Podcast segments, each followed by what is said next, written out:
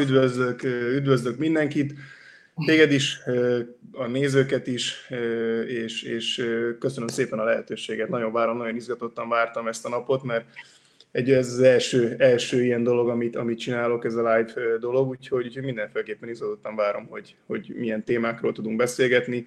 Lesz egy kis időnk, nagyon várom a kérdéseket, és hát csapjuk is akkor bele. Jó, hát akkor először is köszönjük szépen, hogy elfogadtad a megkeresésünket, és a sűrű programon mellett szakítottál ránk is egy kis időt. Karriered egyik legsikeresebb időszakán vagy túl a Barcelonával, heroikus küzdelem után bejutottak a Final Four-ba. Mondhatni, kezd beérni a munkátok gyümölcse, ezért igazoltál te Barcelonába, hogy ilyen sikereknek a részese legyen?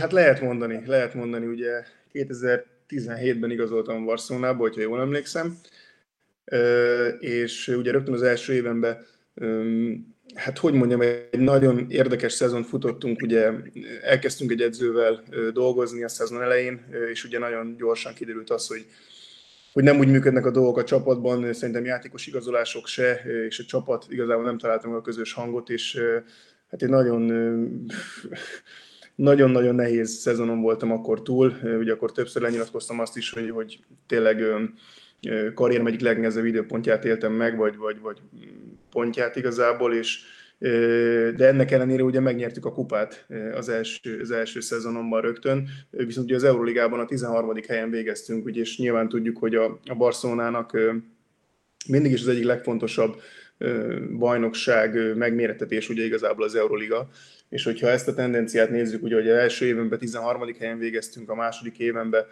már bejutottunk a playoffba, és egy öt meccses, öt meccses sorozatban tudtunk kikapni attól az FS-től, ugye, aki tudjuk, hogy az tulajdonképpen ugyanaz a csapat.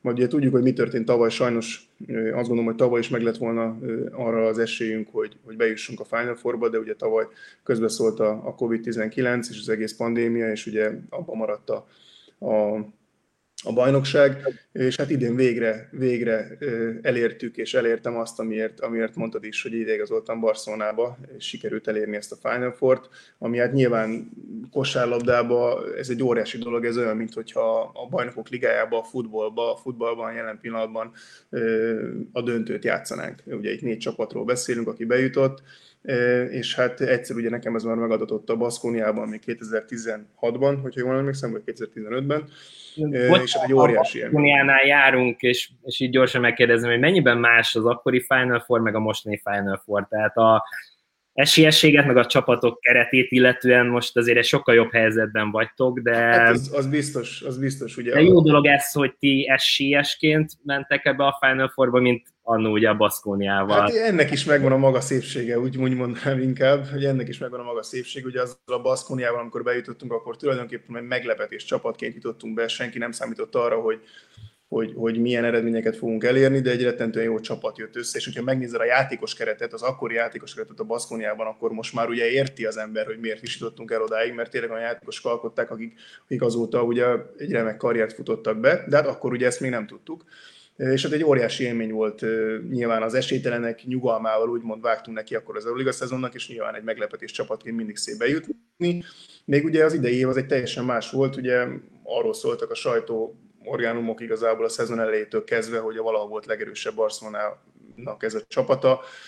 Óriási igazolások történtek az elmúlt két évben, nagyon nagy a csapat költségvetése, nagyon nagyok az elvárások, és hát ez nyilván nyomással jár, úgyhogy valamilyen szinten ez egy másféle érzés és másféle dolog. Ez, ez amikor bejutottunk, akkor nyilván az ember egy kicsit meg is könnyebbül, hogy na végre sikerült, és, és elértük ezt, ezt, ezt a sikert. De hát nyilván ez egy, ez, egy, ez egy rész siker, úgymond, ez egy célunk volt ugye a szezon kezdetében, hogy bejussunk a Final Four-ba, de hát ahhoz, hogy megnyerjük ugye a bajnokságot, ahhoz még kettő mérkőzést meg kell nyernünk. Két mérkőzést meg kell nyernetek, de elég jó formában vagytok. Tegnap például megvertétek a Betis több mint 50 ponttal. Te ugyan nem léptél pályára, de úgy néz ki, hogy nagyon jó, jó paszban van a csapat gyakorlatilag, és nélküled is ugye ilyen, ilyen nagy sikereket tudnak elérni. Te mi újság neked ezzel a sérüléssel? Vissza fogsz tudni térni a Final Forra? Nyugtasd meg a nézőket, hogy... Nagyon-nagyon-nagyon remélem. Nagyon-nagyon remélem. Egy, egy világtörnő össze benne, hogyha ez nem sikerülne. Bizakodó vagyok. Igazából a, a, a playoff párharcot a Zenit ellen már kisebb-nagyobb sérülésekkel játszottam végig, és, és, és már eléggé szenvedtem, úgyhogy már az érett ez a, ez a, ez a, ez a sérülés és a megállás, de nagyon bizakodó vagyok igazából, hogy, hogy, hogy vissza tudok térni valamilyen szinten. Ha jöhetett egy sérülés, az talán a legjobbkor jött, mert most az ACB-ben is van egy kis szünetünk, és, és most van egy hetünk tulajdonképpen, amikor csak arra tudunk készülni, hogy még kettő darab mérkőzésünk van hátra az ACB-ben, a spanyol bajnokságban a Baszkónia ellen otthon, és idegenben pedig a Tenerife ellen, ami majd csak jövő héten lesz. Úgyhogy most van egy kis időm igazából rendbe tenni magam fizikálisan, mentálisan, és hát nagyon remélem, hogy ott leszek, úgyhogy abban biztos vagyok, hogy mindent meg fog tenni, bármit beszedek, beinjekcióztatok, bármit megcsinálok. Hogy Azért óvatosan, de, de... Ott, kell, ott, kell, ott kell mindenféleképpen, hogy legyek, de mondom, azt kell, hogy mondjam, hogy szerencsés helyzetben vagyok, mert most tényleg ki tudtam hagyni ezt a mérkőzést, ahogy láttátok is, ugye egy 50 pontos sikerült és, aratnunk egy olyan sikert, úgyhogy a csapat az azt gondolom, hogy, hogy jó úton halad, ugye egy olyan párharcot játszottunk a Zenitelen, ahol nyilván óriási nyomás volt rajtunk végig az egész, az egész párharc alatt, mert hát ugye mi voltunk a nagy esélyesek, és ők ugye nyolcadiként jutottak be, mi pedig elsőként, és hát rögtön az első mérkőzésen elvették a pálya jogunkat, úgyhogy... úgyhogy és hát nem ami lehet, hogy az első két mérkőzés Hát a másodikat meg valami nagy csodaként így van sikerült megnyernünk, úgyhogy Úgyhogy nagyon kemény párharc volt, és hát nyilván mondom, ahogy, ahogy, ahogy mondtam is a végén, egy óriási megkönnyebbülés, egy óriási öröm volt az, hogy végre elértük ezt a, a, a csapattal, mert, mert nyilván a, a nagy magja a csapatnak ugye azért most már négy-öt éve együtt van, és, és hát óriási siker volt, és nagyon örültünk. Ha már a nagy magot említed, ugye az európai kosárlabdánál nagyon szembetűnő, hogy a játékpercek teljesen máshogyan osztanak el a keretek mélysége miatt, és gyakorlatilag tehát a ti csapatotok úgy néz ki kívülről, mint hogyha lenne 13-14 hasonló képességű játékos, úgyhogy, úgyhogy nagyon könnyen tudjátok egymást pótolni is egyébként, hogyha ez bármi is vagy bármi. Ez így van, ez így van.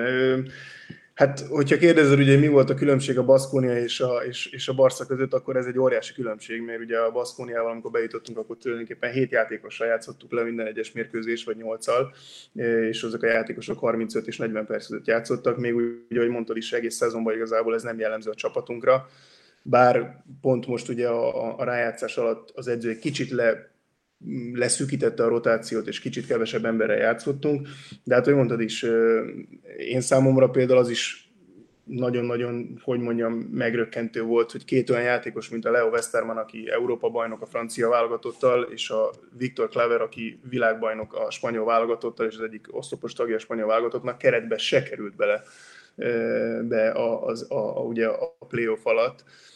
Úgyhogy hát nagy a harc, nagy a harc, nem csak, a, nem csak, nem csak ugye amikor pályára kerülünk, hanem egyáltalán azért, hogy pályára kerülhessünk, ezért minden egyes edzésen, minden egyes mérkőzésen maximumot kell nyújtani, mert, mert nagy kihívás van, és, és hát nyilván csapaton belül mindenki szeretne játszani, ahogy mondtam is, nyilván a legfontosabb mindenkinek az, hogy sikerek legyenek, és, és, és megnyerjük a mérkőzéseket, de hát a végén azért sportolók vagyunk, és hát szeretnénk minél több meccset és percet játszani. A jelenlegi edződről, Jasika Vicius mesterről azt olvastam, hogy őre kifejezetten jellemző a nagy rotáció, és nyilván ezt minden játékos megérezte a játékperceiben. Mi a te pontos szereped most a csapatnál? Mi a Hú, hát a szerepem az mérkőzésről mérkőzésre, percről percre változik. Most egy olyan mérkőzés pont, azt hiszem ha jól tudom, a, a negyedik mérkőzés, amit játszottunk Szentpéterváron, akkor játszottam 6 percet egy húzamba, és ott játszottam egy percet egyes poszton, egy percet kettes poszton, egy percet hármas poszton, vagy egy percet négyes poszton. Úgyhogy igazából folyamatosan változik a szerepem, és, és nyilván ettől függetlenül mindig megpróbálom a maximumot adni, mindig megpróbálom azokat az erősségeket úgymond kihozni magamból, amik, amik egy adott mérkőzésen szükségesek vagy kellenek. Hogyha az védekezés, védekezés, hogyha agresszívan kell támadni a gyűrűt, akkor agresszívan támadom a gyűrűt. A külső dobások is idén azon, hogy jobban mennek, úgyhogy eléggé, hogy mondjam, eléggé összetett a, a, a, a munkám az idén, nem úgy, mint tavaly, amikor, amikor meg teljesen meg kellett változtatnom a játékomat, és csak irányítót játszottam. Idén sokkal inkább sok oldalokban kell, és, és, és mérkőzésről mérkőzésre, vagy akár egy mérkőzésen belül is sokkal többet kell fejben oda készülnöm, és, és, és változtatnom a játékomon. Ha már a Zenit elleni második mérkőzést említettük, tehát az, hogy te labdát szerzel, az ez nem egy olyan nagy dolog a kosárlabda világában. De az, hogy az utolsó percben három pontos dobsz, kétszer labdát szerzel, utána még a két büntetőt a helyére rakod, itt ezek a játékok rád voltak kiátszva, vagy csak egyszer gondoltad, hogy most ez a hang Ádám kell? Nem, és nem. Most és, és ezért van az, hogy igazából mindig úgy kell hozzáállni minden mérkőzéshez, minden egyes perchez, ugye akkor én ezen a mérkőzésen, ha jól emlékszem, akkor szerintem eddig a pillanatig 6 vagy 7 percet játszottam a mérkőzésen, nem úgy alakult a mérkőzés, ahogy szerettem volna és a hosszabbításban a Keletes összeszedte az irányítónk az ötödik faltját, és hát nem volt más, mint nekem bemennem. És nyilván ez, ez azt gondolom, hogy ezen a szinten nagyon sok dolog fejben dől el, és, és az, hogy ez a játékosok mentálisan milyen nyomás bírnak, vagy milyen nyomás alatt bírnak játszani, és, és hála Istennek nekem rendben volt a fejem abban a pillanatban, és, és amikor kimentem a pályára, akkor kaptam egy labdát, nyilván valamilyen szinten szerencse is kell az ilyen dolgokhoz, de, de hát nyilván tudom azt is, hogy mennyi munka van mögötte, mennyi felkészülés, mennyit készülök a, a mentálkócsommal az ilyen pillanatokra, az ilyen, az ilyen szituációkra, és, és hát nyilván ezeknek a, sok befektetett órának a, a, a munkája az, az ilyenkor, ilyenkor jön ki, úgyhogy, úgyhogy nyilván nagyon boldog voltam, már csak azért is, mert ugye kiegyenlítettük a párharcot, és hát hogyha 2-0 mentünk volna Szentpétervár, akkor lehet, hogy most nem arról beszélgetnénk, hogy a Final four vagyunk. Hogyan megy egy készülődés a Final Four-ra? Tehát most nyilván a Milánó ellen készültek, tehát a döntő a CSK és a FS, FS is lehet a, ellenfeletek ilyenkor mindenkire készülni kell, vagy a saját játékotokat kell nagyon ráerőltetni a másikra, vagy hogyan megy ilyenkor egy készülődés? Hát most ugye még van bőven 20 napunk, ugye, vagy 18 napunk, két hetünk az első mérkőzésig. Én azt gondolom, hogy ugyanúgy készülünk, mint a szezon során bármelyik másik mérkőzésre. Tehát most addig még van ugye két mérkőzésünk a Spanyol bajnokságban, tehát az elsődleges dolgunk az az, hogy ezeket a mérkőzéseket úgy lehozzuk, hogy nyilván már valamilyen szinten fejben tudva az, hogy mentálisan is nagyon jól kell játszanunk, hogy a legjobb formában érkezünk mind mentálisan, mind fizikálisan, de mindezek mellett ezek ugyanúgy fontos mérkőzések, meg kell nyerni ezeket a mérkőzéseket, és utána készülünk csak ugye a következő Euroliga mérkőzésre, ami pedig a Milánó ellen van, tehát nem hiszem, hogy most fogunk készülni az FS-ből, vagy a, vagy a CSK-ból esetleg, mert nincs értelme a saját, ahogy mondtad is, nagyon sokat a saját játékunkkal kell foglalkoznunk, a saját mentalitásunkkal, a saját játékunkat kell játszanunk, ezért dolgoztunk egész évben, 8-9 hónapot dolgozik az ember azért, hogy ugye egy mérkőzésen eldőljön minden, vagy kettőn, de hát ez a szép, azt gondolom, hogy ez, ezt valamilyen szinten élveznünk kell ezt a helyzetet, tényleg főleg amilyen világot manapság élünk, nyilván nagyon szomorú az, hogy most már több mint egy éve nézők nélkül, tud, nézők nélkül kell játszanunk a mérkőzéseket, és most is, amikor bejutottunk a Final Four-ba, akkor ugye a nézők nem voltak ott velünk, hogy tudjunk együtt ünnepelni, de mégiscsak azt csináljuk, amit szeretjük, és van munkánk, és, és, és tényleg ott tudunk lenni, és valamilyen szinten az embereknek tudunk egy kis kikapcsolódást adni, arra az egy-másfél órára meg le tud ülni, és meg tud nézni egy kosárlabda mérkőzést, úgyhogy nekünk is azt gondolom, hogy ezt élveznünk kell, és, és, és hát nyilván maximálisan mindent beleadni. Ha már említetted a Covid járványt, általában az embereknek negatív érzéseik vannak a, ezzel az egész pandémiás helyzettel kapcsolatban. Neked mik voltak a tapasztalataid, mint, mint sportoló és mint magánember? Voltak-e számodra pozitív vonatkozásai ennek az egész? Ö, igazából arra az időszakra, amikor, amikor ugye ténylegesen be voltunk zárva, és, és volt ugye ez a két, hát mi ugye itt Spanyolországban rögtön, amikor, amikor azt március elején, közepén kezdődött az egész, és, és hát ez egy két hónap volt, amikor tényleg nem hagytam el a házat tulajdonképpen, csak azért, hogy esetleg el kell menni vásárolni. Megmondom őszintén, hogy én, én pozitívan éltem meg azt a részét, hogy végre olyan minőségi időt tudtam együtt tölteni a családommal, amire évek óta nem volt lehetőségem. A, a lányaimat olyan szinten tudtam megismerni, ahogy előtte még nem. Ennek voltak rossz oldalai és jó oldala is de, de mindenféleképpen tényleg nagyon-nagyon pozitívan éltem meg, mert, mert mai napig úgy gondolok vissza rá, hogy megvolt egy tök jó rutinunk, hogy fölkeltünk, nyilván a gyerekeknek ugye online óráik voltak, de segítettem nekik nagyon sokat a tanulásba, készültünk, nagyon sok folyamatosan családi programok voltak, ami nyilván ugye azzal a menetrenddel, ami nekünk van, nagyon sokszor nem tudok ott lenni, és, és nem tudom élvezni ezt a részét, csak a nyáron Úgyhogy, úgyhogy ez a része nekem mindenféleképpen nagyon pozitív volt. Nyilván a, a, a sport részét az nehéz volt megélni, hogy ugye meg kellett állni, és utána újra kellett játsz, elkezdeni játszani, az, hogy nézők nélkül játszunk. Nyilván az egész világnak most jelen pillanatban egy ilyen negatív érzése van. Most ugye úgy látszik, hogy azért most már kezd beindulni az élet újra itt Barcelonában is, hogy látom Magyarországon is egyre pozitívak a, a dolgok, úgyhogy ez mindenféleképpen valamilyen szinten egy, egy, egy egy, úgy gondolom, hogy egy kis fény az ott pislákol már az alagút végén reméljük, és, és hát reméljük, hogy 2022-ben ha nem is százszázalékosan, de reméljük, hogy azért, azért szépen lassan a nézők visszatérnek újra a csarnokokba és a stadionokba. Nézők nélkül ti el tudjátok érni ugyanazt az intenzitást, mint nézők nélkül? Tehát nyilvánvalóan őrült, tehát a nézők miatt csináljátok ezt az egészet, ők adják a pluszt, a töltetet, az energiát így, hogy ugye üres lelátók vannak, és kicsit edző, kívülről edző meccs jellege van, hogyan tudjátok magatokat mégiscsak belerakni abba a formába, ami éppen ugye az adott meccs megkövet? Hát főleg az elején volt nagyon nehéz, főleg ugye tavaly mi ugye a spanyol bajnokságban lejátszottunk egy úgynevezett fase finált, ami, ami, ami ugye a döntőbe, így van, döntőbe sikerült kikapnunk, és ott azért elég furcsa volt, mert nyilván az, az első olyan mérkőzések voltak, amikor egy óriási mérkőzés úgy kell lejátszani, hogy, hogy nincsenek nézők. Most arra már azt gondolom, hogy hozzá szoktunk valamilyen szinten ez a edzőmeccs hangulathoz. Pont ugye a második mérkőzésen, amikor ugye a végén megszereztem a labdát, és és akkor volt egy ilyen üvöltésem, és fordultam a közönség fele, és egy ilyen két-három másodperc után realizáltam, hogy uff, nincs is, nincs is nézők, kinek üvöltözök én, de, de nyilván máshogy állunk hozzá, játékosok is sokkal hangosabbak vagyunk a kispadon, talán ez hallatszik is ugye a, a, a, a, a tévében, vagy átjön valamilyen szinten, hogy a kispadok sokkal inkább játékosok egymást segítjük, egymásnak kiabálunk, valamilyen szinten ugye a játékot segíti is, mert ugye tudok a, kommunikálni a csapattársammal, ugye, ami előtte nem volt lehetséges, úgyhogy, úgyhogy vannak nyilván pozitív és negatív oldalai, de hát nyilván nem adja semmi azt az érzést vissza, amikor, amikor 6-7 ezer ember akár a palóba, vagy elmegyünk mondjuk Aténba, és 20 ezer ember ugrál és üvöltözik, az semmi más érzés nem fogja soha visszaadni, úgyhogy ezért is mondtam, hogy remélem, hogy, hogy minél hamarabb ez, ez, ez újra, újra át fogom tudni élni.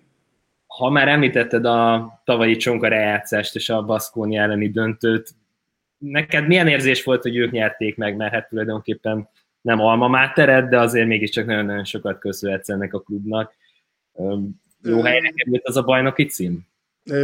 Igen, de nem azért, mert a Baszkónia nyerte. Tehát ez mindenféleképpen fájt az a bajnoki cím, mert, mert ugye nagyon közel voltunk ahhoz, hogy, hogy megnyerjem az első spanyol bajnokságomat.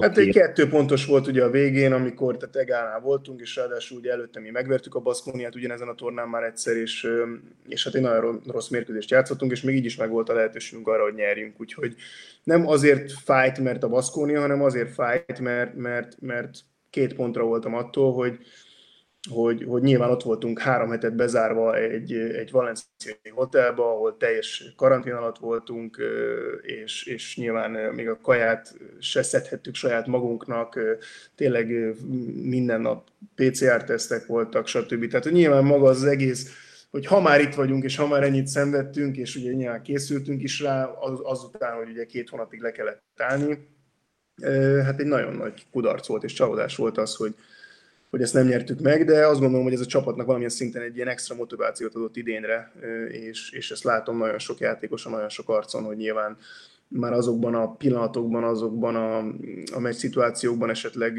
jobb döntéseket hozunk. Nyilván most nem akarok nagy okosságokat mondani, hogy most meg fogunk idén mindent nyerni, mert ugyanúgy ki, ki tudunk kapni, de, de, de ugye most hátra van még a, a spanyol bajnokság és, a, és az Euroliga, és mindenhez nagyon közel vagyunk, és megvan az esélyünk arra, hogy megnyerjük most kell, most kell nagyon észnél lenni akkor tulajdonképpen.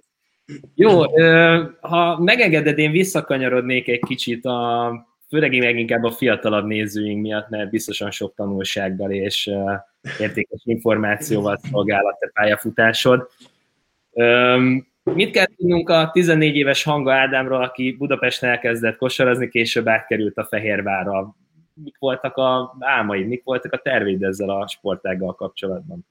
Ú, uh, hát nem is tudom igazából honnan kezdjem. Nyilván ugye én 7-8, 7-8 éves lettem, amikor ugye a BRL-ből kezdtem el kosarazni, és ott játszottam ugye 15 éves koromig tulajdonképpen a BLF-ben, ahol hát nagyon nagy szerencsém volt, mert tényleg először is nem csak azért, mert nagyon jó edzőkkel tudtam dolgozni, akik rendkívül jól megtanították nekem az alapot, ami nyilván kellett ahhoz, hogy eljussak idáig. Másrésztről pedig egy olyan társaság jött össze ott a BLF-be, csapattársaim, akik, akik mai napig a legjobb barátaim, és, és hát ezért nyilván nagyon-nagyon boldog vagyok, és, és mindig is hálás leszek ezért, mert, mert, mert tényleg olyan örök barátságokat kötöttem ott annál a, a klubnál, hogy, hogy, hogy mondom, az mai napig még él, és, és a legjobb barátaim onnan jöttek ki, úgyhogy, úgyhogy ez egy nagyon jó időszak volt, ráadásul nem mellékesen nagyon jól is játszottunk, és tulajdonképpen minden egyes korosztályban, ahol indultunk, U14, U16, U18, minden, minden korosztályban ö, ö, tudtunk nyerni, nagyon sok aranyat nyertünk, nagyon sok bajnokságot nyertünk, ö, és, ö, és utána ugye eljött egy olyan pont ugye a karrieremben, amikor, amikor megkeresett engem egy ügynök, és nyilván föltette nekem azt a kérdést, hogy szeretnék ezzel foglalkozni ugye a későbbiekben. És akkor még igazából nem is nagyon tudtam, hogy szeretnék én ezzel foglalkozni, nem is nagyon tudtam, és nem is nagyon értettem, hogy ezzel lehet esetleg pénzt keresni, vagy, vagy, vagy, vagy ebben van egyáltalán jövő ebben. De viszont nagyon szerettem kosarazni, és, és akkor jött szóba ugye Fehérvár, ahol 15 évesen lementem, és, és hát nyilván ott ugye megint egy olyan hat évet töltöttem el, ami nagyon, nagyon meghatározó volt a karrierem során. Nagyon-nagyon szép éveket töltöttem el Fehérváron, tényleg ott lettem, ugye gyerekből valamilyen szinten felnőtté váltam, és és hát ott is ugye egy olyan csapatot tudtam játszani, ahol mindig bajnokságokért küzdöttünk, remek edzőkkel tudtam együtt dolgozni, remek csapattársakkal, és tényleg egy olyan klubhoz kerültem, aki, aki azt gondolom, hogy az egyik legstabilabb klub még mai napig Magyarországon, és, és, és ez valamilyen szinten ugyanúgy segítette nekem a pályafutásomat. Úgyhogy, úgyhogy aztán most tudnék erről nyilván még ezen kívül nagyon sokat, nagyon-nagyon sokat beszélni, és, és hogy milyen volt, hogyan volt, de, de nagyjából így akkor, ez akkor volt. A... segítek ezt a, ezt a kérdéskört egy kicsit le, leszűkíteni. Hogyan kerül fel egy Magyarországon Fehérváron játszó játékos az NBA scouting riportok közé, hogy itt van egy srác, vele érdemes foglalkozni. Ez... Igen, az, az, az úgy történt, hogy minden évben, minden nyáron van egy olyan tábor, amit úgy hívnak, hogy televizóba tartják, és, és én minden, és elmentem egyszer már, amikor 18 éves voltam, talán vagy 17 éves, akkor egyszer elmentem már erre a táborra, és ott tulajdonképpen ezt revizóban ott összehívják a, akkori korosztály, abban a korosztályban lévő gyerekeket, a legtehetségesebbeket az európai összes, összes részéről, és ott van egy három-négy napos tábor. Az első alkalommal nem szerepeltem annyira jól, de nyilván szerintem nagyon sok NBA scoutnak, megfigyelőnek, európai megfigyelőnek felkeltettem az érdeklődését, és, és utána nyilván követték tovább a karrieremet, és ugye hát az utolsó éveim Magyarországon már eléggé dominánsra sikerültek, és akkor még egyszer elmentem erre a trevizói táborra, ahol viszont a második föllépésem már nagyon jól sikerült, és kettő darab mérkőzés után igazából már szóltak is az ügynökök, hogy akkor itt hagyjam abba a játékot, itt jó lesz. És akkor rengeteg, rengeteg interjúm volt csapatokkal, tényleg a, nyilván ugye a San Antonio-val is, de volt Lakers, Knicks, Memphis, Milwaukee, tényleg volt körülbelül 8 vagy 10 interjúm, ami hát el se tudod képzelni, hogy, hogy hogy meg voltam szeppenben, nem nagyon beszéltem angolul, ott kezdődik a dolog.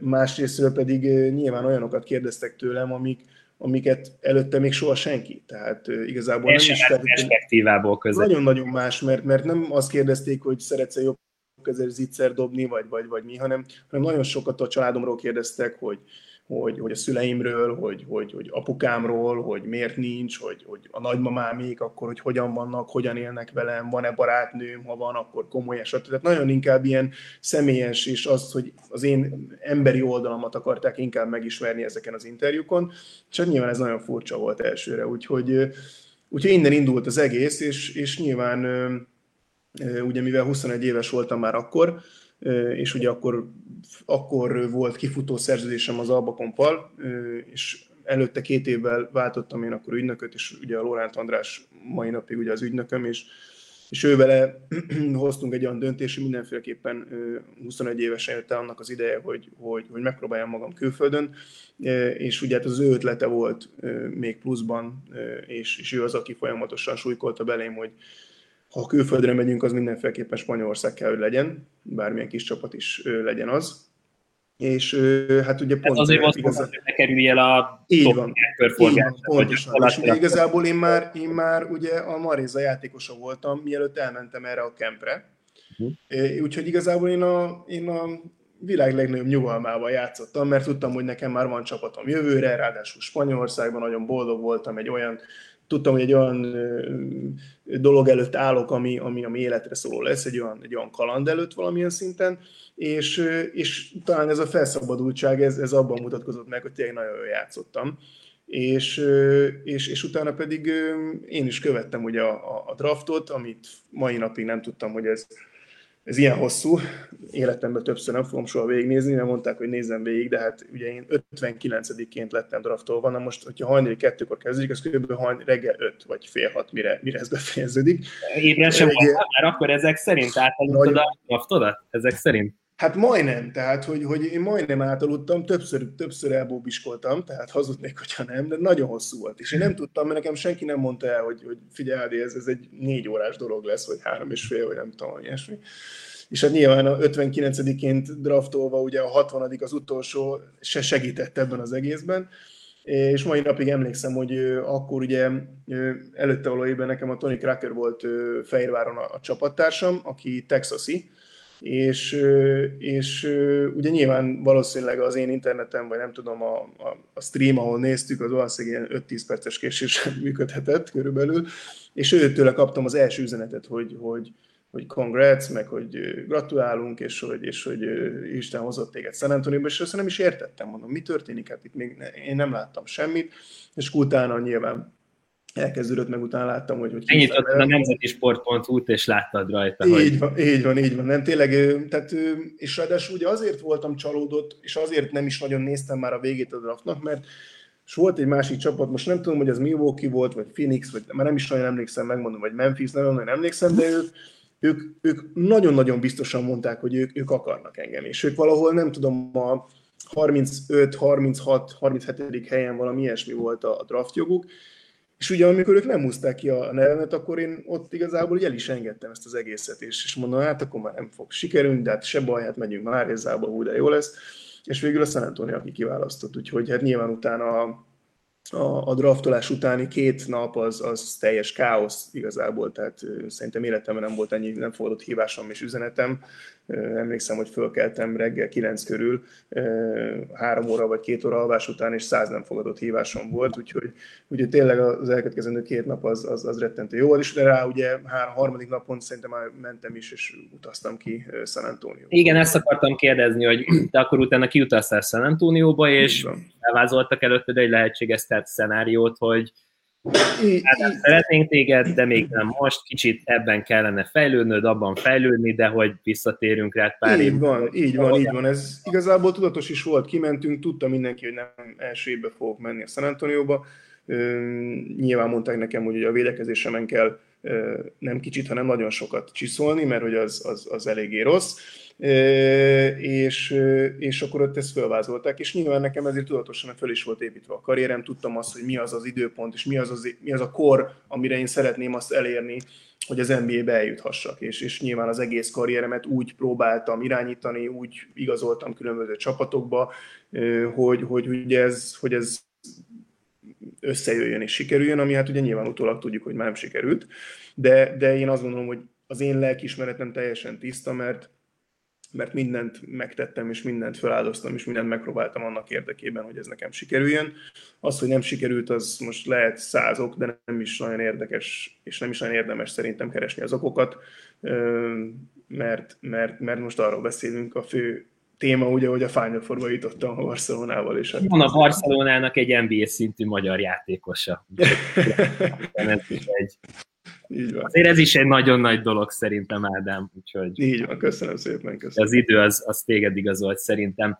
2013-ban volt egy nagyon csúnya, nem is csúnya sérülése, de egy csontödémát találtak a, a térdetben, ha jól tudom. Így és akkor általában hol, olvastam ilyen infót, meg ellentétes infót, de hogy általában veszélybe került akkor a karriered, és végül egy némes specialistás sikerült találnatok, aki egyébként Rafa Nadált meg Kobe Bryantet is műtötte, ami szintén azért már elég nagy dolog, hogy ugyanaz az orvos műt titeket, oda hogy jutottál el, és igazából de hát azt mondani, a karriered újra kezdése volt gyakorlatilag az a műtét. Hát, fú, igen, nehéz, nehéz időszak volt. Sok nehéz időszak volt a karrieremben, de, de ez egyik legnehezebb volt, mert, mert ugye amikor Márézából eligazoltam ugye Baszkóniába, akkor már a Baszkónia tudta, hogy nekem, nekem rossz a térdem, és meg kell műteni, és ugye rögtön, ahogy aláírtuk a papírokat, engem azon a nyáron meg is műtöttek. Június, jól emlékszem, június 10-e környékén, tehát rögtön igazából a nyár elején, és hát az egész nyár nekem igazából arról szólt, hogy rehabilitáltam, ott is voltam Baszkoniában, végig ott voltam Vittoriában, és a probléma az volt, hogy miután már vissza kellett volna térnem ilyen szeptember-október környékén, alapból amikor felnyitották a térdemet, akkor kicsit nagyobb volt a probléma, mint amit azt gondoltak. Másrésztről pedig nem nagyon segített a műtét, és, és, és ugyanúgy fájdalmaim voltak és végül ugye, jól emlékszem, akkor decemberben volt az első mérkőzésem, ugye Euróliga mérkőzés, amit először tudtam játszani, és hát egy nagyon nehéz, nagyon nehéz szezonom volt, a csapat se segítette a dolgomat, hogy így őszintén fogalmazzak, tehát ők se könnyítették meg, és hát nyilván én is nagyon-nagyon szenvedtem, mert fájt, de próbáltam visszatérni, tudtam, hogy azért mégiscsak egy Euroligás csapatban vagyok, bizonyítanom kell, nem lehet az, hogy egy egész teljes évet kihagyok, és hát nyilván próbáltam erőltetni magam, utána egyik sérülésből a másikba estem, úgyhogy, úgyhogy nagyon nehéz időszak volt, és és hála Isten ennek a nyárnak a végén mm, ugye nagyon kerestük tényleg már elszántan, és, és, és próbáltunk valami olyan megoldást keresni, ami, ami végre megszünteti ezt a fájdalmat a térdembe, és végül ennél a német professzornál találtuk meg, ahogy mondtad is, Kobe Bryant-et is többször kezelte.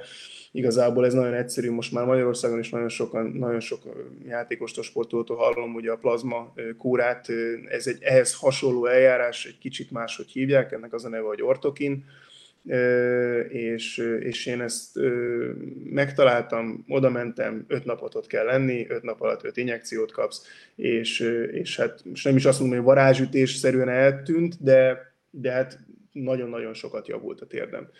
És azóta többször is visszamentem nyilván utókezelésekre, és, és hát nyilván ez egy, ez egy nagyon kemény időszak volt, mert, mert ugye akkor az orvos mondta, hogy tehát ő maga is mondta, hogy 60-70 százalék esélye van annak, hogy nem fog hatni neked ez a kezelés. Tehát, hogy ezt megmondta előre, hála Isten ugye utólag, hogy hatott, és azt mondta, hogy ha nem fog hatni, akkor hát nagyon nagy valószínűséggel pár éven belül vége lesz a karrieremnek, mert egyszerűen nem fogok tudni ez, ennyi fájdalommal játszani.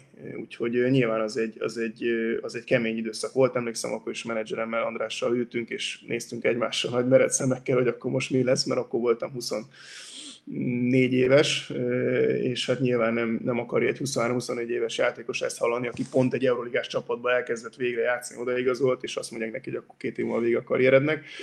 De hát hála Istennek ezt, a, ezt az akadályt is ö, ö, át, átléptük és, és, és leküzdöttük, és hát azóta azért már egy pár kilométert azóta beleraktam ebbe a térbe, úgyhogy reméljük, hogy még egy pár évet lekapolom, még egy pár évet kifogom. És mondod, hogy folyamatos kontroll alatt van tartva a térdet, tehát ez a fájdalom, ez a mai napig megvan neked, csak kezelve van, tehát hogy te már ezt Fájdalom, fájdalom, én pont szoktam viccelődni mindig a, a, a, a, a, gyúrókkal, meg az orvosokkal, hogy igazából majd akkor fogok szólni, hogyha majd nem fáj valami. Tehát, hogy igazából, de ez nem csak nekem van, sajnos... Hát nem fáj sem, az azt jelenti, hogy halott vagy. Tudod, mert akkor így van, tehát, hogy akkor, akkor, akkor van a baj, mert tényleg nagyon-nagyon régen volt már hogy nem fájt volna valami, de a profi sportnak azt mondom, hogy ez, ez, ez valamilyen szinten szerves része.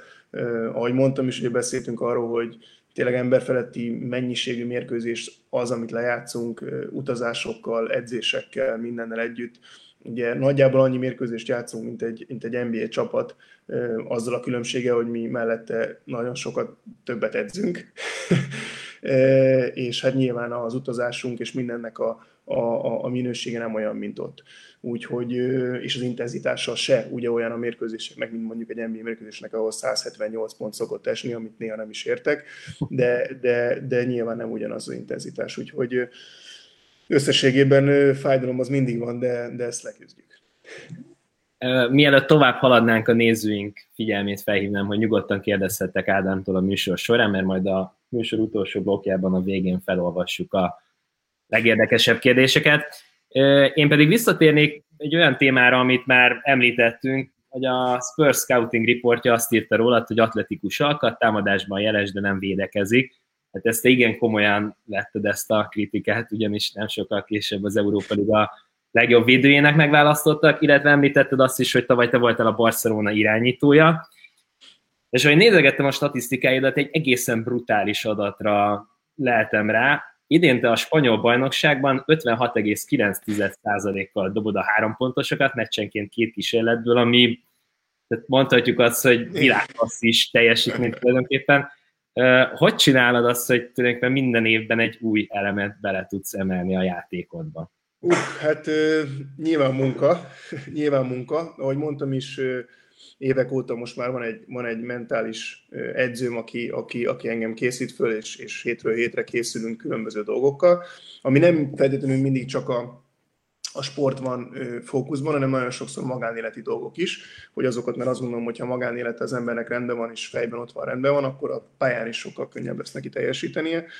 És mindezek mellett rengeteg gyakorlás. Nyilván azt gondolom, hogy megvan, talán ez az én tehetségem, hogy, hogy mindig megpróbál, mindig megtalálom azt az utat, hogy hogyan tudok beleilleni egy, egy, egy szerkezetbe, vagy egy, vagy egy csapategységbe, és mi az, amit tudok adni, és mi az, amit, amit a legjobban tudok. Ahogy mondtad is, ugye, amikor meghallottam azt, hogy azt mondja nekem az R.C. Bufford, aki ugye a GM-je volt a San hogy akkor hát akkor védekezést kell összeszedni, akkor igazából nekem ez nem, nem kellett tovább mondani, rendben van, oké. Okay. Az elkövetkezendő öt évemet arra tettem föl, hogy minden, csak minden egyes mérkőzésen a, úgy léptem a pályára, hogy egyetlen egy feladatom van, az, hogy rólam senki nem fog kosra dobni, nem fogok hibát véteni védekezésben, követem a csapattaktikát, és nyilván felhasználom azokat a dolgokat, amiket, amiket tudok a, a, a tehetségemmel.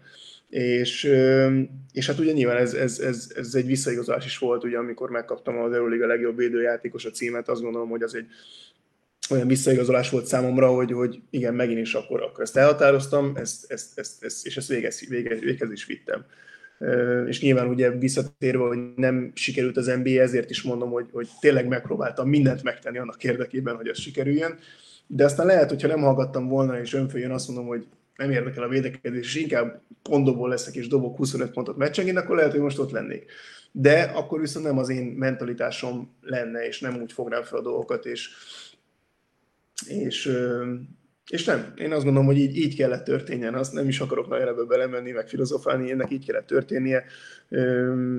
Ez, ez, ez nagyon sok tényleg ezen a szinten azt gondolom, többször is ugye most már mondtam, és visszatértem rá, hogy, itt már mindenki tehetséges, mindenki gyors, mindenki nagyot ugrik, mindenki tapasztalt, és ezért gondolom azt, hogy, hogy mentálisan nagyon sok minden dől el, és nagyon sok ö, olyan dolgot tud az ember előre gyakorolni, vagy, vagy valamilyen szinten készülni rá, ami segítheti őt ö, a, a döntéshozásokban, mm, és nyilván a, a nyomásnak az elviselésében. Említetted, hogy lehetnél 25 pontos játékos, és a gyakorlatilag az egyetlen kritika, amit veled kapcsolatban olvasok, az az, hogy egyszerűen nem vagy elég rámenős támadásban.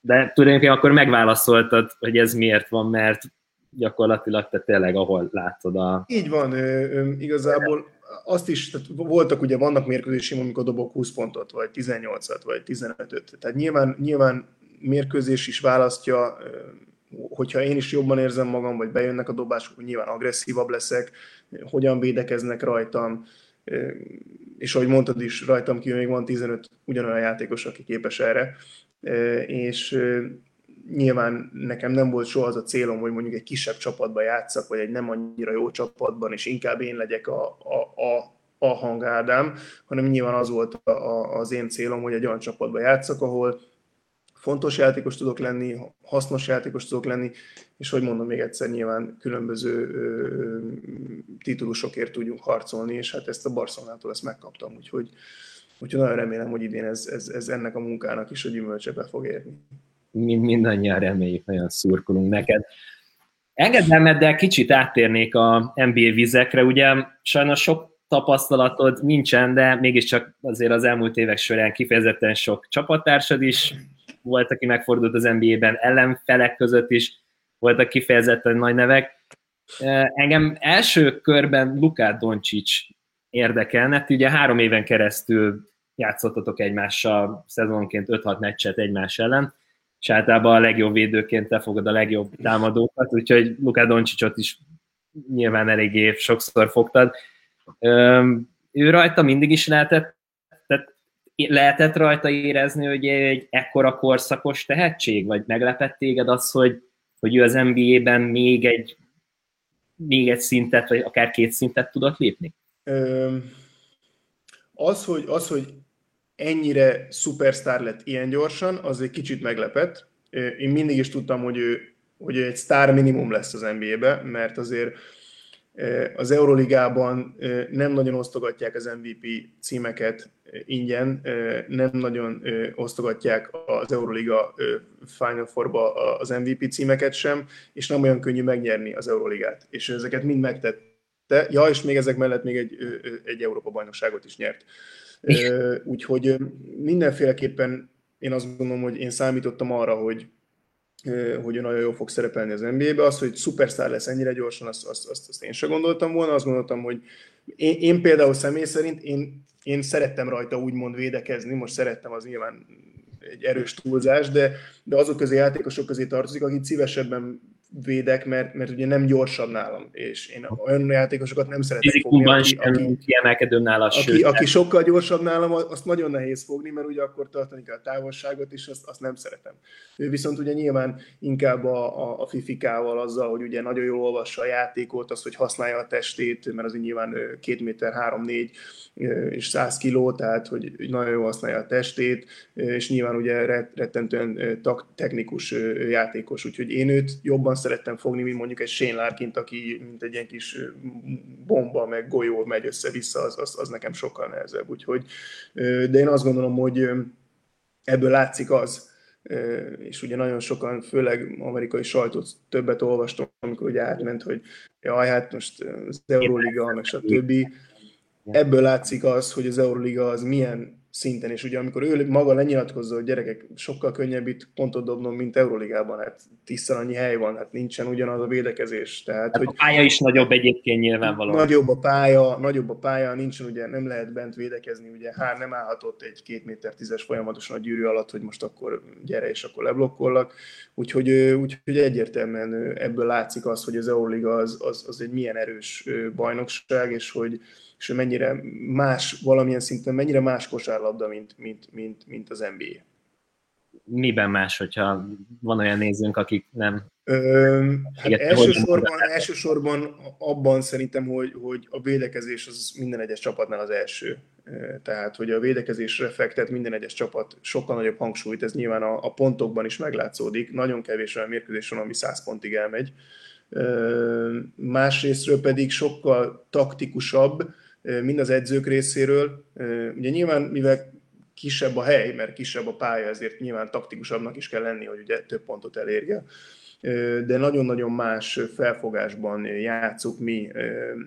Sokkal inkább ugye megpróbáljuk a 24 másodperces támadóidőt ugye az egészen a végéig eljátszani, még ugye az NBA-ben az van, hogy minél gyorsabban dobjuk rá a labdát, és tulajdonképpen így kaphatod a fejed, mint egy teniszmeccs, úgy néz ki néha egy, egy, egy NBA mérkőzés, ami nagyon sok esetben ugye sokkal látványosabb, mert nyilván több pont születik, nagyon sokszor ugye gyorsanítások vannak, akkor vannak a zsákolások, és ugye Euróligában ez inkább, tehát nagyon kevés látsz olyat, hogy, hogy valaki egy a nullába megy és zsákolni tud, mert... mert Azért tőled néha látok ilyeneket a nemzeti is megszoktuk azt, ami a igen, nagy töméseidet. Igen, igen, igen. Szerencsére azért Európa, Európa Ligában is van hely nagyot ugrani. Így van. Így van.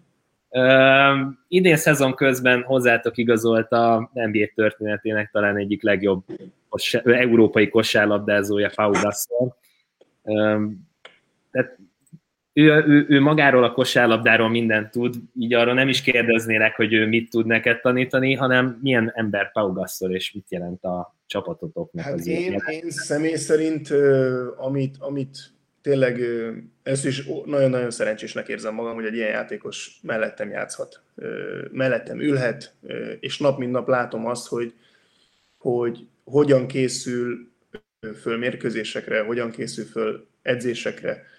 Ugye 40 éves, tehát nyilván ő, ő azért fizikálisan azért nyilván neki egy kicsit már nehezebb fölkészülni mind az edzésre, mind pedig a mérkőzésekre, de, de azt kell, hogy mondjam, hogy az a, az éjség, ami, ami a siker iránt van benne, és az a szeretet, ami a kosárlabda iránt van benne, az talán nagyon érdekes kimondva, de, de ő 40 évesen egyikünkben sincs meg.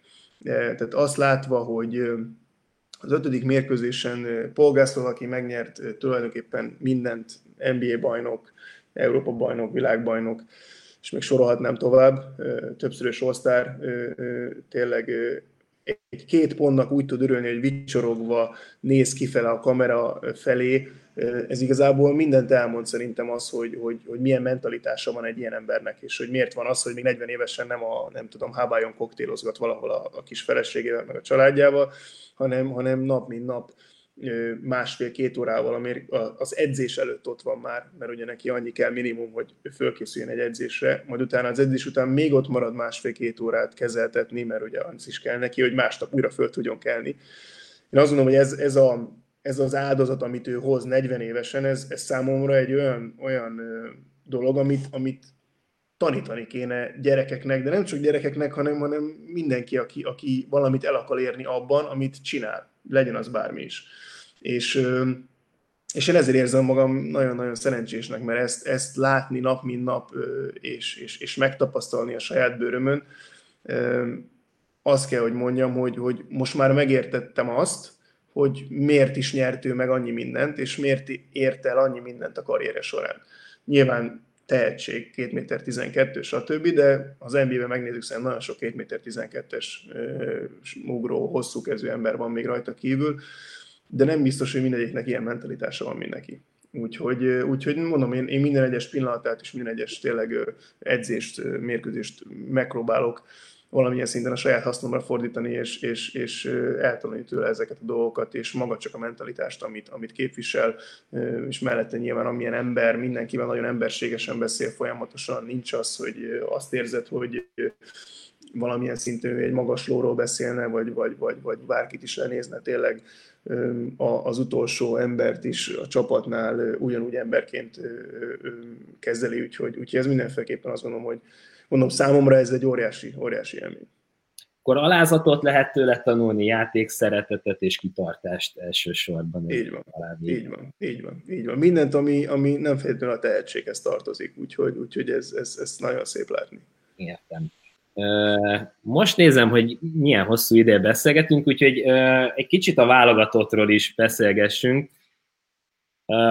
Mennyire, te, te ugye már évek óta az Euróligában játszol, és ugye ez szinte kizárja azt, hogy te a sejtezőkön részt tudjál venni. Mennyire nehéz úgy belecsöppenni egy válogatott felkészülésbe, hogy, hogy te a sejtezőket kihagyod, ez hogyan? Hát nehéz, nehéz, mert ugye ez lesz az első ilyen, tehát hogy ugye az előző, ugye amikor 2017-ben kitudtunk ugye az Európa bajnokságra, akkor ugye a sejtezőt sorozat azt ugye végigcsináltam, mert ugye mindig nyáron voltak a mérkőzések, és ott voltam, és ugye a srácokkal együtt tudtam kiarcolni az Európa bajnokságra való kijutást. Mégpedig ugye most ez, ez, ez nem adatott meg nekem, úgyhogy nyilván furcsa lesz, évek óta ugye, ahogy mondtam is 2017 óta nem játszottam a válogatottba, Úgyhogy mindenféleképpen furcsa lesz, és hát nagyon remélem, hogy, hogy, hogy ott tudok lenni, és nagyon remélem, hogy tudom segíteni a csapatot, mert nyilván az, az azért fontos, hogy, hogy mondjuk egy jó hangádán menjen, ne, ne olyan, aki, aki csak rontja a csapatnak a, a, a játékát. Ugye minden meccset tényleg követtem, szurkoltam a srácoknak, óriási dolgot vittek véghez. Nyilván, amikor gyerekek voltunk, akkor, akkor azért én tényleg az összes utánpótlás válogatottam, végigmentem, és válogatottba is. Azért nagyon sok olyan nyarat éltem meg, amikor meg, meg Európa bajnoki selejtezőt, amikor ugye nem örülhettünk annyira, és, és ugye többször kicsúszott a kezünk közül, és most egymás után kétszer, és hogyha ne adja Isten nekem ez megadatik, hogy tényleg ott tudok lenni, és két Európa bajnokságon is tudok szerepelni, az nagyon sok magyar játékosnak nem adatott meg a karriere során, úgyhogy nyilván nekem a válogatott az mindig is egy, egy, egy, egy, egy olyan pont, ami, ahol nagyon szeretek játszani, ahogy mondtam is mindig, a 2017-es Európa bajnokság Romániában a karrierem egyik legszebb, legszebb élménye tényleg mai napig kiráz a hideg, amikor, amikor arra gondolok. De sajnos ugye ez a, ez a szezon közbeni selejtező sorozat, ez nagyon remélem, és bízok abban, hogy, hogy ez meg fog változni, és vissza fogunk térni arra a rendszerre, ugye, ami előtte volt, hogy a selejtező sorozatok nyáron lesznek, vagy nagyon remélem, hogy az Euroliga és a, és a FIBA valamilyen szinten egy megegyezéshez fog jutni, és, és mi Euroliga játékosok is ott tudunk majd lenni, és tudunk segíteni a csapatunkon. Aztán, hogy ez a mi részünkről, mint magyarok, ez jót tesz, vagy rosszat tesz, ugye, mert akkor nyilván Nálunk sajnos Magyarországon én vagyok az egyetlen, aki jelen pillanatban Euróligába szerepel, de mondjuk litvánoknál, franciáknál, és még sorolhatnám, ott ugye azért nagyon-nagyon sok játékos van, tulajdonképpen egy egész keret, aki, akik játékosok nem tudnak ott lenni a válogatottal. És erről is már beszéltem nagyon sokat, hogy nyilván ugye én benne vagyok az Európai Játékosok Szövetségébe, és, és ezt többször fel, felhoztam témaként, hogy ez, ez mi is az a megoldás, amit tudunk, vagy egyáltalán akarunk-e, vagy keresünk-e egyáltalán megoldást arra, hogy, hogy, ez, hogy, ez, hogy ez valamilyen szinten kezelhető legyen ez a helyzet. De sajnos az a probléma, hogy a, maguk a játékosok nem vagyunk egy, egy hullámosszon, úgymond, tehát nem, nem, nem ugyanazt akarjuk. Nagyon sok játékos nem is akar játszani szezon közben, és, és ezáltal ugye azt mondja akkor az Liga, hogy hát a játékosok amúgy sem akarnak játszani szezon közben, akkor nem mindegy. A FIBA meg ugye elköti az ebet a karóhoz, úgymond, és ő azt mondja, hogy már pedig ez a, ezt, a, ezt a menetrendet hoztuk mi létre, ez ami működik, ez ami fog működni, és, és ők nem akarnak ezen változtatni. Úgyhogy igazából nyilván itt a legrosszabb nekünk játékosoknak, mert, mert mi vagyunk azok, akik úgymond mentegetőznünk kell, hogy miért vagyunk, miért nem vagyunk ott, meg hogy úgy is mondhatnám azt a csapatomnak, hogy elmegyek, de de nem. Tehát, hogy most ezt, ezt lehet így fogalmazni, hogy lehet mondani a csapatomnak, de sajnos nem lehet. Tehát nyilván az első olyan adandó alkalommal, amikor ugye 2018-ban vagy 2019-ben elkezdődtek a sejtező sorozatok, akkor volt egy meetingünk, és akkor azt mondta a csapat, hogy azt ajánlja nekünk, hogy ne menjünk.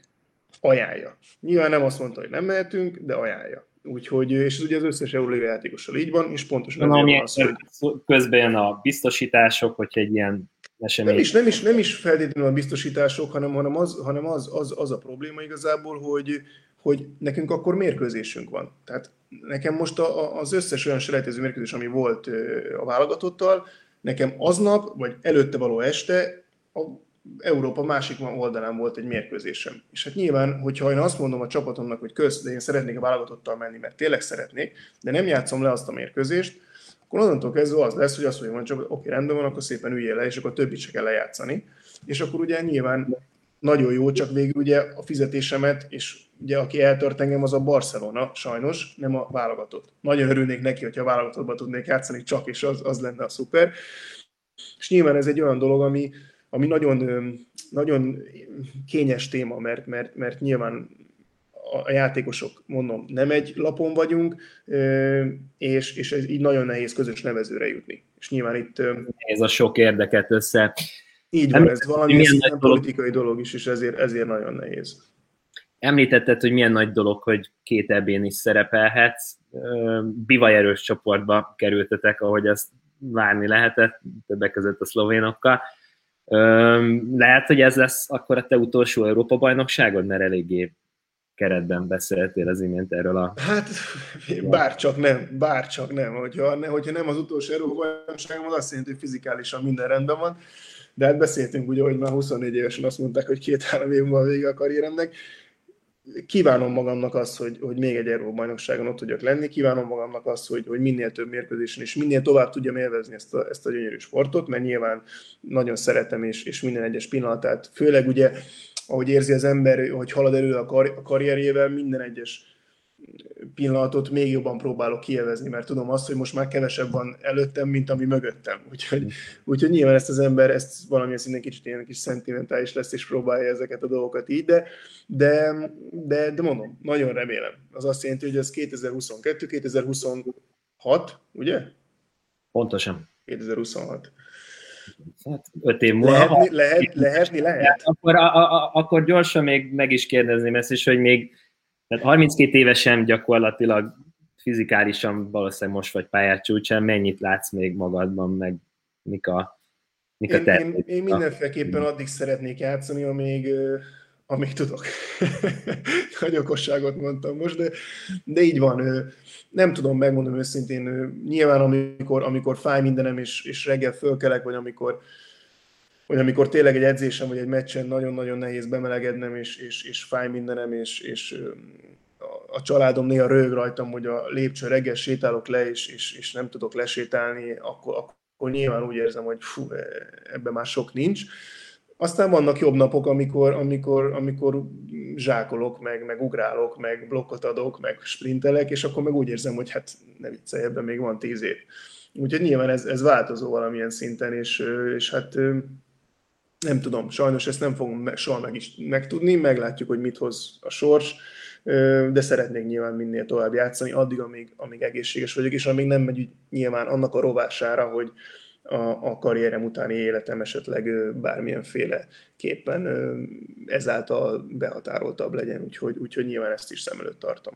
A karriered utáni életedben hallottam, hogy az eltére beiratkoztál sportmenedzser szakra, ha jól tudom, ezek szerint a sport mellett, vagy a kosárlabda körül akarsz maradni pályafutásod után is?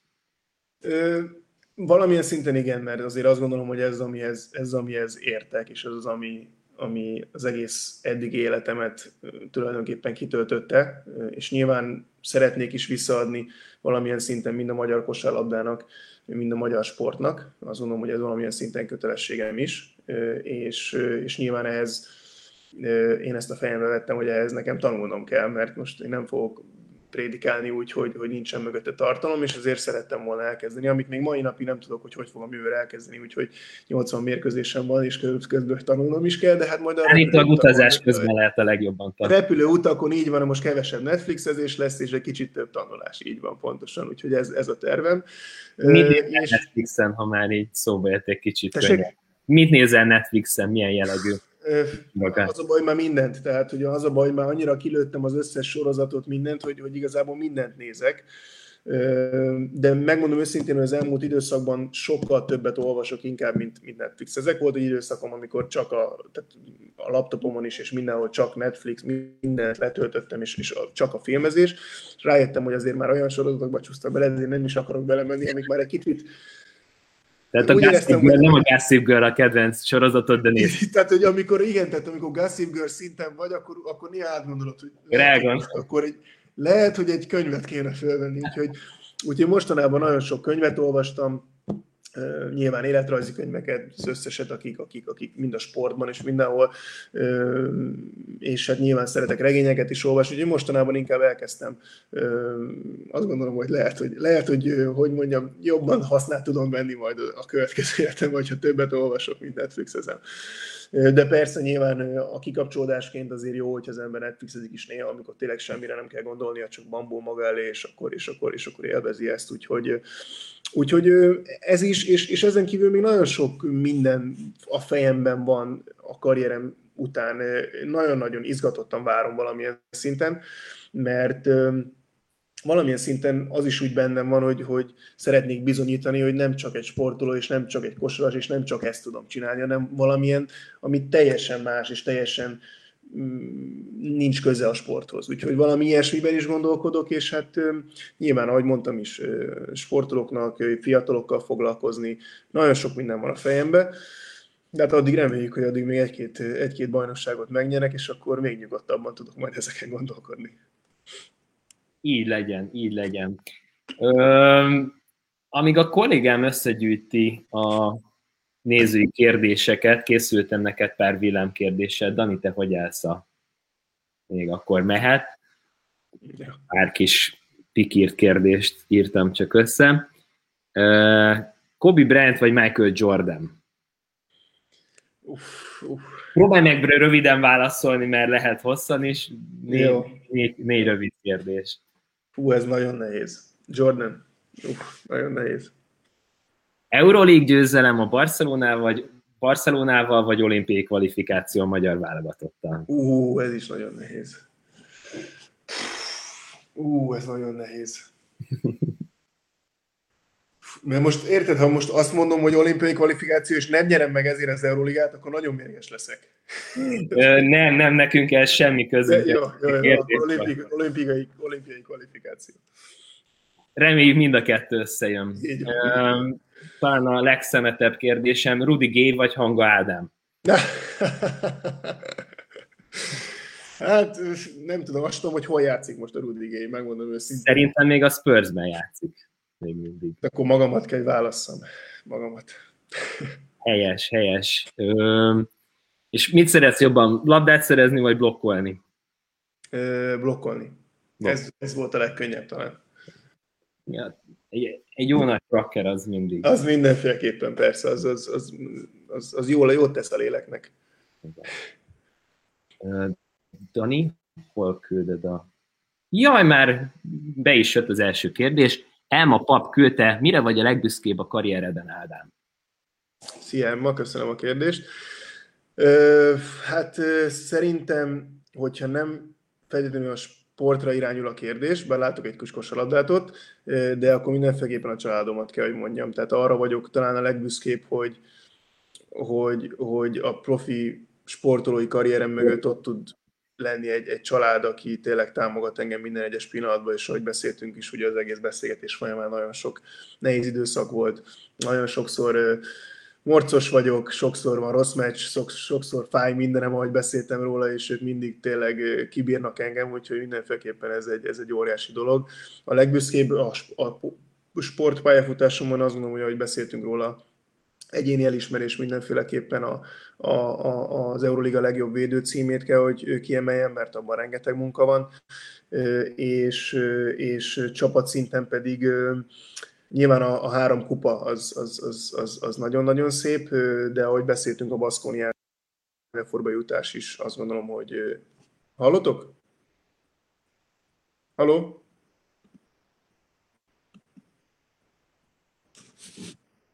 Hallotok?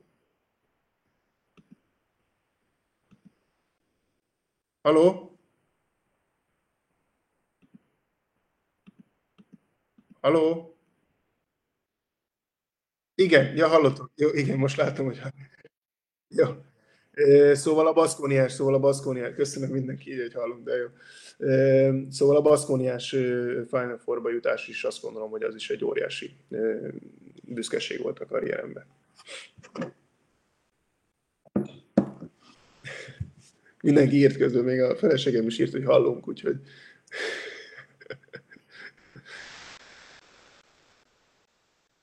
Jó, nézzük, hallunk.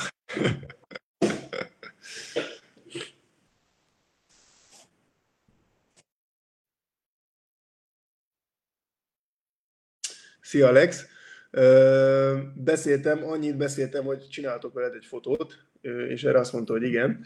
Úgyhogy ez volt, ez volt az, összes, az összes kommunikációnk egy, egymás között. Múltkor a, pont a, az új elnökünk a Laportának a, Laportánál a beiktatásánál, ugye ott is együtt voltunk. Köszöntünk, köszöntünk egymásnak, de ezen kívül nagyon mélyebb témákba nem nagyon mentünk bele. Nem, nem, nem, nem egy túlbeszél. A Piké például ennek ellenére például vele sokszor szoktam beszélgetni, ráadásul közel is egy, egy zónában lakunk, és sokszor szoktunk találkozni, amikor visszük a gyerekeket, ővel például többször szoktam ö, beszélgetni, hogy mi újság van a csapattal. Nem, nem, nem, nem, nem, nem. Olyan barátságban még nem vagyunk, de majd reméljük, hogy leszünk egyszer.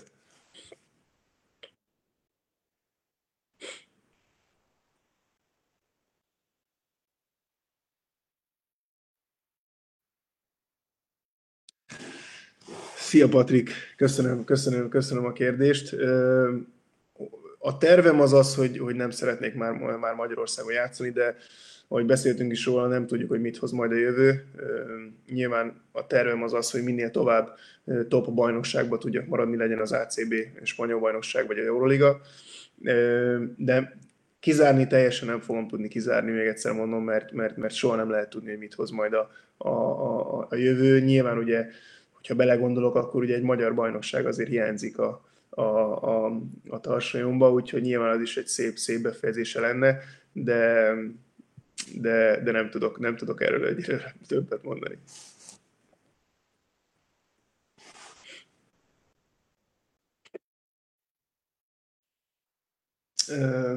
Példaképem az nagypapám, aki már nincsen köztünk, két éve, két éve elment, egyértelműen ő volt az a, az a példakép számomra, aki, akire mindig is felnéztem, aki, aki, aki, aki nagyon sokat segített a karrieremben, hogyha ő nincs, akkor valószínűleg soha nem jutottam volna el idáig. Ő volt az, aki éveken keresztül kurcolászott engem, vitt engem edzésre, tényleg minden egyes mérkőzésre a kis zöld barburgiával, és ezért két év, amikor elveszítettem, akkor az egy, az egy, az egy nagyon, nagyon fájó pont volt, de ő az, aki, aki azt gondolom, hogy, hogy mindig is a példaképen volt, emberileg egy, egy olyan ember volt, akit nem lehetett nem szeretni, és, és mondom, nagyon sokat segített nekem.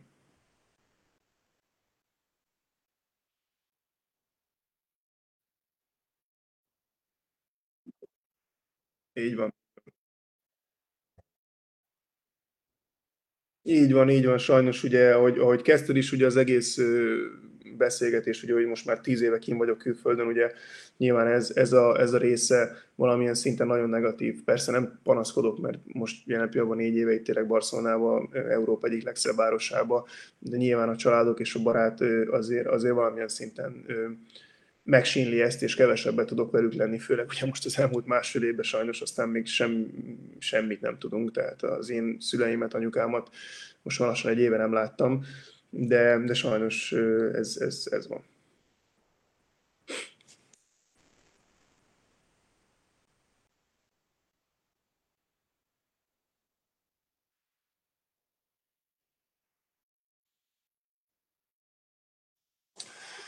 Hát a Szarász az, hogy mondjam, egy nagyon tekintélyt parancsoló edző, már játékosként is azt gondolom, hogy az volt. Egy, egy olyan játékos volt, ugye, aki mindig is fölemelte a hangját, elmondta a véleményét, és nyilván irányítóként egy, egy Euroliga legendáról beszélünk, akit, akit mindenki tisztel, és ez egyértelműen látszik abban is, hogy nyilván nem kellett neki a, a tiszteletért harcolni az első pillanatoktól kezdve, hanem azt gondolom, hogy minden játékos teljes messzélességgel mögötte áll, és, és, és minden egyes olyan utasítást, amit ad, azt gondolom, hogy megpróbálunk véghez vinni a tudásunk szerint és emberként azt gondolom, hogy, hogy ezt már többször bebizonyította, hogy van egy nagyon humános oldala, ami, ami nyilván megpróbálja a játékos, azért ugye mivel ő is több éven keresztül volt játékos, azért jó tudja azt, hogy mik, mik azok a dolgok, amiken keresztül megyünk, akár egy rossz, akár egy jó mérkőzés után. Nyilván ugye nagyon sokszor ez a, ez a tévéből csak annyi látszik, hogy ő üvöltözik, és mindenkit szid, de, de, de nyilván ez az ő habitusa, és ez, ez, a, ez a lénye, hogy, hogy, hogy így tud meccselni. De mindezek mellett egy, egy nagyon jó emberről beszélünk, aki tényleg, hogyha kell, akkor bármilyen oda tudunk hozzá menni, oda fordulni tudunk hozzá, és, és bármiben segít.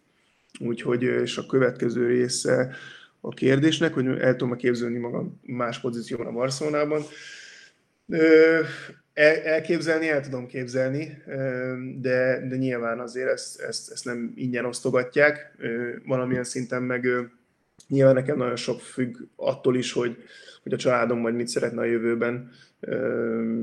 Nyilván a, a kislányaim azok, ha mondhatom is ezt, bármilyen furcsa és kimondva, inkább spanyolok, mint magyarok, mert Magyarországon, hogyha belegondolok, akkor eddig ugye maximum nyarakat töltöttek, ami 30 napnál nem több tehát nyilván nekik is fontos az, hogy majd hol fognak iskolába járni, milyen tanítatást tudok nekik adni, és ez majd későbbiekben nyilván eldönti azt, hogy, hogy hol fogok tudni élni, hogy ez Barcelona, Magyarország vagy egy másik európai ország, ezt még nem tudom, de ezt majd meglátjuk. Bede Nikolett, aki egyébként a párom, ő kérdezik tőled, milyen lehetőségek vannak a kikapcsolódásra, feltöltődésre Biztos ötletet szia, lehet kapni. Szia. szia, szia Nikolett. Köszönöm a kérdést. Hát igazából nagyon jó kérdés. Van egy kis elektromos biciklim, azzal szoktam mostanában elmenni egy kicsit, itt lakok fönt itt a hegyek közelében, és azzal szoktam egy kicsit elmenni biciklizni, kicsit, hogyha nagyon már a fejem olyan helyekre, helyekre megy, ahova nem kéne, akkor kicsit elmegyek és kiszelőztetem. Nem sokára, vagy nemrég, bocsánat, nemrég a családnak egy új tagja is lett egy kiskutyánk, Roxy, aki, aki, aki egy, egy német boxer, és hát ővel most nagyon járjuk be itt a, a környező helyeket, úgyhogy valamilyen szinten a, a kutyámmal való együttlét is kikapcsolódás, és nagyon szeretek még mellette hogyha az időm engedi, akkor felségemmel éttermekbe járni esetleg, ami nagyon kevésszer van rá lehetőségünk, de meg hát ugye nem is nagyon volt hova menni, mert ugye be volt zárva minden, de, de most már kezdenek kinyitni, és most például ma is elmentünk ugye tevédelni, úgyhogy ezt nagyon élveztem mi más tudok én mondani? Forma egyet nagyon szeretem, valamilyen szinten kicsit fanatikus vagyok. Vagy, vagy nézed is. Nézem, nézem. Ember a szeretre elaludni a formát. Ne, ne nézem, teljes fanatikus vagyok, persze, idő mindent nézek, még a szabad edzést is múltkor néztem, úgyhogy ott éreztem, hogy egy kicsit fanatikus vagyok már. És ezek azt gondolom, hogy amik, amik nyilván utána pedig a családdal töltött idő, azt gondolom, hogy az, az mindenféleképpen nagyon fel tud tölteni szerkesztőtársam ránk szólt, hogy most már tényleg nagyon kifutottunk az ja. időből. Úgyhogy az utolsó kérdésem, úgy látom, hogy egy kicsit kis, kicsúszik, de itt meg tudom nyitni teljesben. Szia Ádám, nagyon régen együtt játszottunk a BLF-ben, ahol nagyon jó barátságban voltunk. Darma, Dávid Gyarmati kérdés. Ja, persze, igen, Eper. Igen. Igen, sajnos nem tudom felvenni veled a kapcsolatot, és tavaly nyáron Barcelonában voltam, nagyon szerettem volna veled találkozni, de sajnos nem volt kontaktom hozzám, hozzád. Oh. Nagyon büszke vagyok rád, és azért is, mert játszhattunk együtt, ahol számtalan sikerünk volt, csak így tovább. Szia, Per, köszönöm szépen, köszönöm szépen. Itt is mondhatnék, nagyon, még mai napig emlékszem, tényleg ő csapattársam volt, és rengetegszer aludtam nála, ő is aludt nálunk, mindig akkor volt számítógépeztünk, emlékszem mai napig tisztán érez az emlékezetemben, és hát erről beszéltem ugye a BLF, bár ugye pont az Eperrel sajnos nem tartottuk a kapcsolatot, de rajta kívül tényleg vannak nagyon sokan, akik, akik mai napig legjobb barátaim, és, és, és, ez, és ez tök jó dolog. Úgyhogy tényleg nagyon szépen köszönöm. Sajnálom, hogy nem jött össze a találkozás, remélem, hogy legközelebb... De a live után vegyétek fel a kapcsolatot. De így van, akkor a live után felveszünk mindenféle, mindenféleképpen a kapcsolatot. Sajnos a ez sajnos az én hibám is, valamilyen szinten az üzenetek elolvasásában, válaszolásában nem vagyok a legjobb. Sajnos maga az egész social media nem az erősségem, ezt be kell, hogy valljam szintén, de, de most a, nyilván ezzel is, hogy, hogy valamilyen szinten ezt össze tudtuk hozni, ezt köszönöm tényleg nektek is, mert valamilyen szinten úgy gondolom, hogy, hogy az emberek kicsit kíváncsiak rám, mert, mert nyilván eléggé el voltam zárva, és, és, és nem biztos, hogy tudják azt, hogy milyen az én életem, vagy egyáltalán, hogy mi az, amit csinálok. Nyilván azt tudják, hogy Barcelonában játszik egy hangádám, de hogy kicsit nyitni nyilván a, a, a felétek, és, és, hogy, és hogy tényleg próbálom megosztani azokat az élményeket, amiket, amiket én itt átélek hétről hétre, napról napra, vagy az elmúlt években. Úgyhogy, úgyhogy köszönöm tényleg még egyszer a lehetőséget. Ez nagyon szuper, fontos szuper. is, ugyanis talán Dávid Kornél mellette vagy te vagy az a példakép, akinek érdemes a karrierjét ha csak nem is lekövetni, de, de sokat tanulni belőle. Úgyhogy szépen. Nekem, nekem még mai napig az a, az egyik álmom, hogy, hogy végre egy olyan Euroligás meccset játszak, hogy egy másik magyar jöjjön velem szembe. Tehát nekem ez még addig nem szeretnék, akkor legyen az, hogy addig nem, addig nem vonulok vissza, vagy addig szeretnék az Euroligában játszani, amíg még egy magyar játékos nem jön velem szembe, és nem sapkáz le engem, vagy veszi el tőlem a labdát. Jó, úgyhogy akkor ez legyen. Akkor a felhívás az adott ez, minden ez a felhívás, így van. Igen, igen. Ádám, nagyon szépen köszönjük, hogy ránk szántad ezt a majdnem másfél órát. Nagyon sok sikert kívánunk a Final Four-ba, illetve a bajnokság végjátékában is, és remélem máskor is vendégül láthatunk, remélem jól érezted magad, én. Én is, én, én is nagyon szépen, nagyon szépen köszönöm nektek is, köszönöm a lehetőséget, köszönöm mindenkinek tényleg, aki követett minket ebben, hogyha nem, nem tudom, más óráig tudtak-e követni, de tényleg köszönöm a kérdéseket is, és mondom, ígérem a, a, a jövőben megpróbálok egy kicsit nyitottabb lenni, és több információval szolgálni, amit láthatjátok most az elmúlt időszakban Facebookon tényleg megpróbálok egy kicsit több infót és több képet és több sztorit adni, úgyhogy, úgyhogy a jövőben is megpróbálom ezt, ezt továbbvinni, és tényleg még egyszer köszönöm szépen mindenkinek. Mi is nagyon szépen köszönjük. Sziasztok! Super, sziasztok! Sziasztok!